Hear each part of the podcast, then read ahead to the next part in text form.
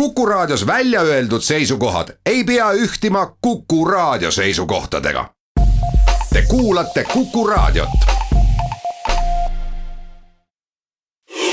kindlustusminutid tere päevast, head Kuku raadio kuulajad, alanud on Kindlustusminutid, minu nimi on Andres Panksepp. tänases saates teeme juttu liikluskindlustusest ja stuudios on Mart Jesse Liikluskindlustuse fondist, tervist! Tere! ja Urmas Kivirüüt Salva kindlustusest. tervist ka minu poolt! hakkame siis sellest kõige lihtsamast küsimusest peale, mis see liikluskindlustus on? liikluskindlustus on kohustuslik vastutuskindlustus et väga tihti inimesed ajavad seda segamini, et mis see siis on, et kas on autokindlustus või on see liikluskindlustus, kas ma saan ise mingit raha, ei, see on vastutuskindlustus, mis hüvitab kannatanule tekkinud kahju juhul, kui mina olen liiklusõnnetuses süüdi. ehk siis, et kui ma ostan endale liikluskindlustuse, ma ise sealt kunagi mitte midagi ei saa no liikluskindlustus äh, on tähtsam kui kaskokindlustus, sest esimene on liikluskindlustus ja kasko on nii-öelda vabatahtlik kindlustus, on vist nii?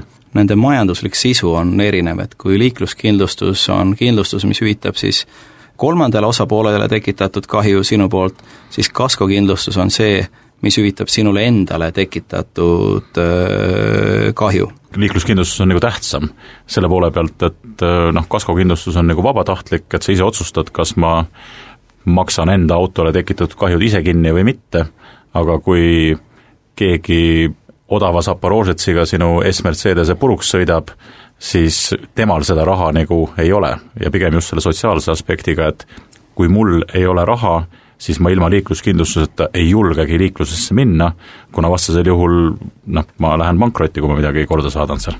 aga räägime lahti, millised sõidukid siis tuleb kindlustada, millistel autodel peab olema liikluskindlustus? kõige lihtsamalt üteldes on see, et, et kindlustatud peab olema iga sõiduk, mis on kantud liiklusregistrisse.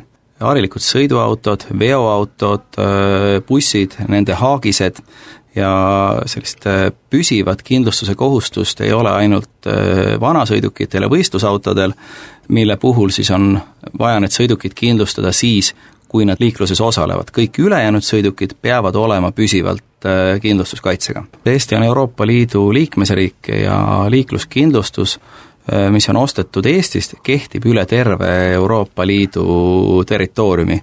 et äh, alates Eestist kuni Portugalini välja ja sõitmaks Eestist väljaspoole ei ole vaja osta mingit eraldi kindlustuskaitset erand on Euroopa Liidu mitteliikmed, mis kuuluvad nii-öelda rohelise kaardi süsteemi. Näiteks Venemaa, Aserbaidžaan, Ukraina, Valgevene ja väga paljud siis Kagu-Euroopa riigid, et kes Euroopa Liidu liikmed ei ole, sinna sõitmiseks on vaja rohelist kaarti. mõned kindlustusandjad annavad selle välja siis tavakindlustusmakse sees ja mõni kindlustusandja võtab lisamakse siis rohelise kaardi väljastamise eest millised on erandid äh, liikluskindlustuse sõlmimisel, millised autod ei pea seda lepingut sõlmima? Neid autosid on üsna vähe, millel ei ole kindlustuskaitse kohustuslik. Ja need on ennekõike riigile kuuluvad äh, sõidukid, nagu näiteks siis Kaitseväe sõidukid, Kaitsepolitseiameti, Kaitseliidu, Politseiameti ja Piirivalve valduses olevad sõidukid. ja lisaks ei pea kindlustama neid sõidukeid, millega teeliikluses ei liigelda. Ehk siis, et ei ole kahju tekkimise võimalust ka, näiteks liigeldakse ainult põllul, metsas, ehitusplatsil ja noh, need sõidukid üldjuhul ei ole ka liiklusregistris. kui liikluskindlustus jäetakse sõlmimata, siis tekib äh, kohustus äh, sundkindlustuse näol. mis see sundkindlustus on? kui kindlustusleping on lõppenud, siis aasta aega äh, vastutab viimane kindlustusandja selle sõidukiga tekitatud kahjude eest. ja noh, tavaline eeldus on see, et kui leping lõpeb ära, siis seda sõidukit ei kasutata. kui seda siiski kasutatakse, siis kannatanu saab igal juhul oma kahju hüvitatud ja see hüvitatud kahju pööratakse siis põhjustaja vastu, ehk siis et kindlustusselts maksab selle kinni ja nõuab süüdlaselt ise sisse. ja kui see aasta saab täis, siis hakkab sundkindlustus. sundkindlustus on siis kindlustuskate, mis tekib sõidukile seaduse alusel ja selle kindlustusteenuse pakkujaks on Eesti Liikluskindlustusfond. sundkindlustus täidab päris mitut eesmärki, kuna see on krõbeda hinnaga, siis sõiduki omanik suunab see ühelt poolt siis vabatahtlikult kohustuslikku liikluskindlustust sõlmima või siis, kui seda sõidukit ei kasutata, võtma selle liiklusregistrist maha. et sundkindlustuse läbi liikluskindlustusfond teenib vahendeid nende kahjude katmiseks, mis tekitatakse kindlustamata või siis sundkindlustusega sõidukite poolt. ja tänu sellele tavaliiklejad maksavad vähem kindlustusmakset aga lähme tagasi liikluskindlustuse juurde, kes peab selle lepingu sõlmima, kellel on kohustus äh, see leping sõlmida? kindlustuslepingu peab sõlmima kas siis sõiduki omanik, kes on liiklusregistrisse kantud, või kui sõidukil on vastutav kasutaja, siis äh, viimane. see kindlustuspoliis, kas see peab olema sõidukis kaasas? liikluskindlustus on nagu leping makse vastu, et kui on makstud, siis ta kehtib ja seda poliisi Eestis ei pea kaasas kandma kõikidel võimuorganitel, kes seda tahaksid kontrollida, on muud võimalused selle kontrollimiseks, aga Eestist väljapoole minnes on mõistlik see siiski sõidukisse panna. ja noh, kohe muidugi on mõistlik ka panna sinna roheline kaart, kuna alati ei pruugi teada, et kas liigeldakse Euroopa Liidus või nendes Euroopa Liitu mittekuuluvates rohelise kaardi riikides. ja noh, lisaks kui sa omad Lätis või Leedus või Saksamaal kaasas Eesti siseriiklikku kindlustuspoliisi, siis politseiametnik lihtsalt ei pruugi sellest aru saada. et lihtsam on kaasa võtta roheline kaart, mis on standardiseeritud dokument, ja seda mõistab iga politseiametnik üle terve Euroopa. kuigi teoorias ei tohiks seda üldse kontrollida? täpselt nii kuidas leida soodsaim äh, kindlustuspakkumine ja, ja kuidas kontrollida, et äh, kas mul kindlustus ikka kehtib? praktikas tuleb tihti ette, et inimesed sõidavad liikluses kindlustuskaitseta ilma et nad oleksid sellest teadlikud. lihtsalt on ununenud äh, arve maksmata kindlustusseltsile, on vahetatud töökohta, kindlustusselts on saatnud oma lepingupikenduse vanale aadressile ja igal juhul aeg-ajalt me soovitame liiklejatel minna siis Liikluskindlustusfondi kodulehele www.lkf.ee ja sealt infokeskusest kontrollida, kas äh, sõidukil on kehtiv leping äh, või, või, või ei ole, sest kui sõidukil ei ole kehtivat lepingut, võivad sellega kaasneda väga ebameeldivad äh, ootamatud tagajärjed, millest Urmas mõni aeg tagasi rääkis. jah, no nende tagajärgedest nagu trahv, mida politsei teeb, on kõige väiksem tagajärg, mille peale mõelda, sest et tegelikult hullem olukord on see, kui juhtub avarii ja kaitset ei ole ja tuleb siis kinni maksta aga soodsama lepingu leiab samuti sealtsamast äh, liikluskindlustuse fondi kodulehelt lkf.ee, kus saab võrrelda siis otse tootja hindu, ütleme siis niimoodi, ilma ühegi vahenduseta, ja seal on kõikide kindlustusseltside liikluskindlustushinnad võrdluses olemas ja sealt on mõistlik neid võrrelda ja siis valida endale sobilik partner no liikluskindlustuse tähtsust mõista aitab liiklusõnnetuste arv Eestis, räägime natukene sellest statistikast ka, kui tõsine see probleem meil liiklusõnnetustega on, kui tihti tuleb liikluskindlustus appi? liikluskindlustus äh, tuleb appi siis liikluskindlustuse juhtumi ehk liiklusõnnetuse korral. ja eelmisel aastal äh, Eesti registrimärgiga sõidukiga põhjustati umbes kolmkümmend viis tuhat eh, liiklusõnnetust, sellel aastal me eeldame, et eh, see on samasugune number. ja keskmine kahju, mis põhjustatakse ühe liiklusõnnetusega, on, on kaks tuhat eurot ja kui me vaatame keskmist liikluskindlustuse maksumust ja võrdleme seda keskmise liikluskahju maksumusega, siis me näeme, et kasu on suur, et keskmine liikluskindlustuse leping aastane maksab Eestis sada kakskümmend kaks eurot, mis on siis äh, vaid, vaid viis protsenti keskmisest äh, kahjust, äh, mida põhjustatakse. enam ei ole olulisem mitte sõidukile tekitatud kahju.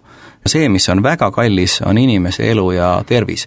ja liiklusõnnetustes inimesed saavad väga tihti viga ka ja kui sellega kaasneb äh, siin pikaajaline töövõimetus ja ravikulud, ulatuvad äh, kulud äh, väga kergesti sadadesse tuhandetesse eurodesse, isegi miljonitesse, et on vaja siinkohal ära nimetada, et kõige kallim Eesti sõiduki poolt tekitatud kahju on neli koma kolm miljonit eurot ja mis ei koosne mitte nii-öelda kümnetest ja kümnetest puruks sõidetud luksusautodest, vaid ühest vigastada saanud välismaalasest, kes on elu lõpuni voodihaige ja siis tema saamata jäänud tulu ja tema, tema ravikulud, mis kuuluvad hüvitamisele. Ja kui see sõiduk nii-öelda on, on aru saada, et ilma liikluskindlustuse olemasoluta nii-öelda ka sellisem keskmisest suurem kahju tekitab süüdlasele väga-väga suuri probleeme ja majanduslikke raskusi kuidas äh, aga fikseerida see liiklusõnnetus, kui liikluskindlustus on korrektselt olemas, räägime selle teema natukene lahti. on juhtunud liiklusõnnetus, mis saab edasi, kuidas autojuhid peavad kokku leppima, käituma? liiklusõnnetuse korral kõige tähtsam on esimese asjana tagada sündmuskoha ohutus. et selles mõttes, et panna üles piisavalt märke, mis selle ära tähistaks ja vaadata, et keegi viga ei saa ja alles siis hakata fikseerima, mis toimus, kus sõidukid paiknevad, kes on süüdi, et väga tihti inimesed ei tule selle peale, et neil on taskus väga kaasaegsed foto- ja videovahendid, tasub autosid pildistada ja filmida, kuidas nad paiknevad, ja alles siis, kui see kõik on fikseeritud, alles siis võib sõidukeid liigutada.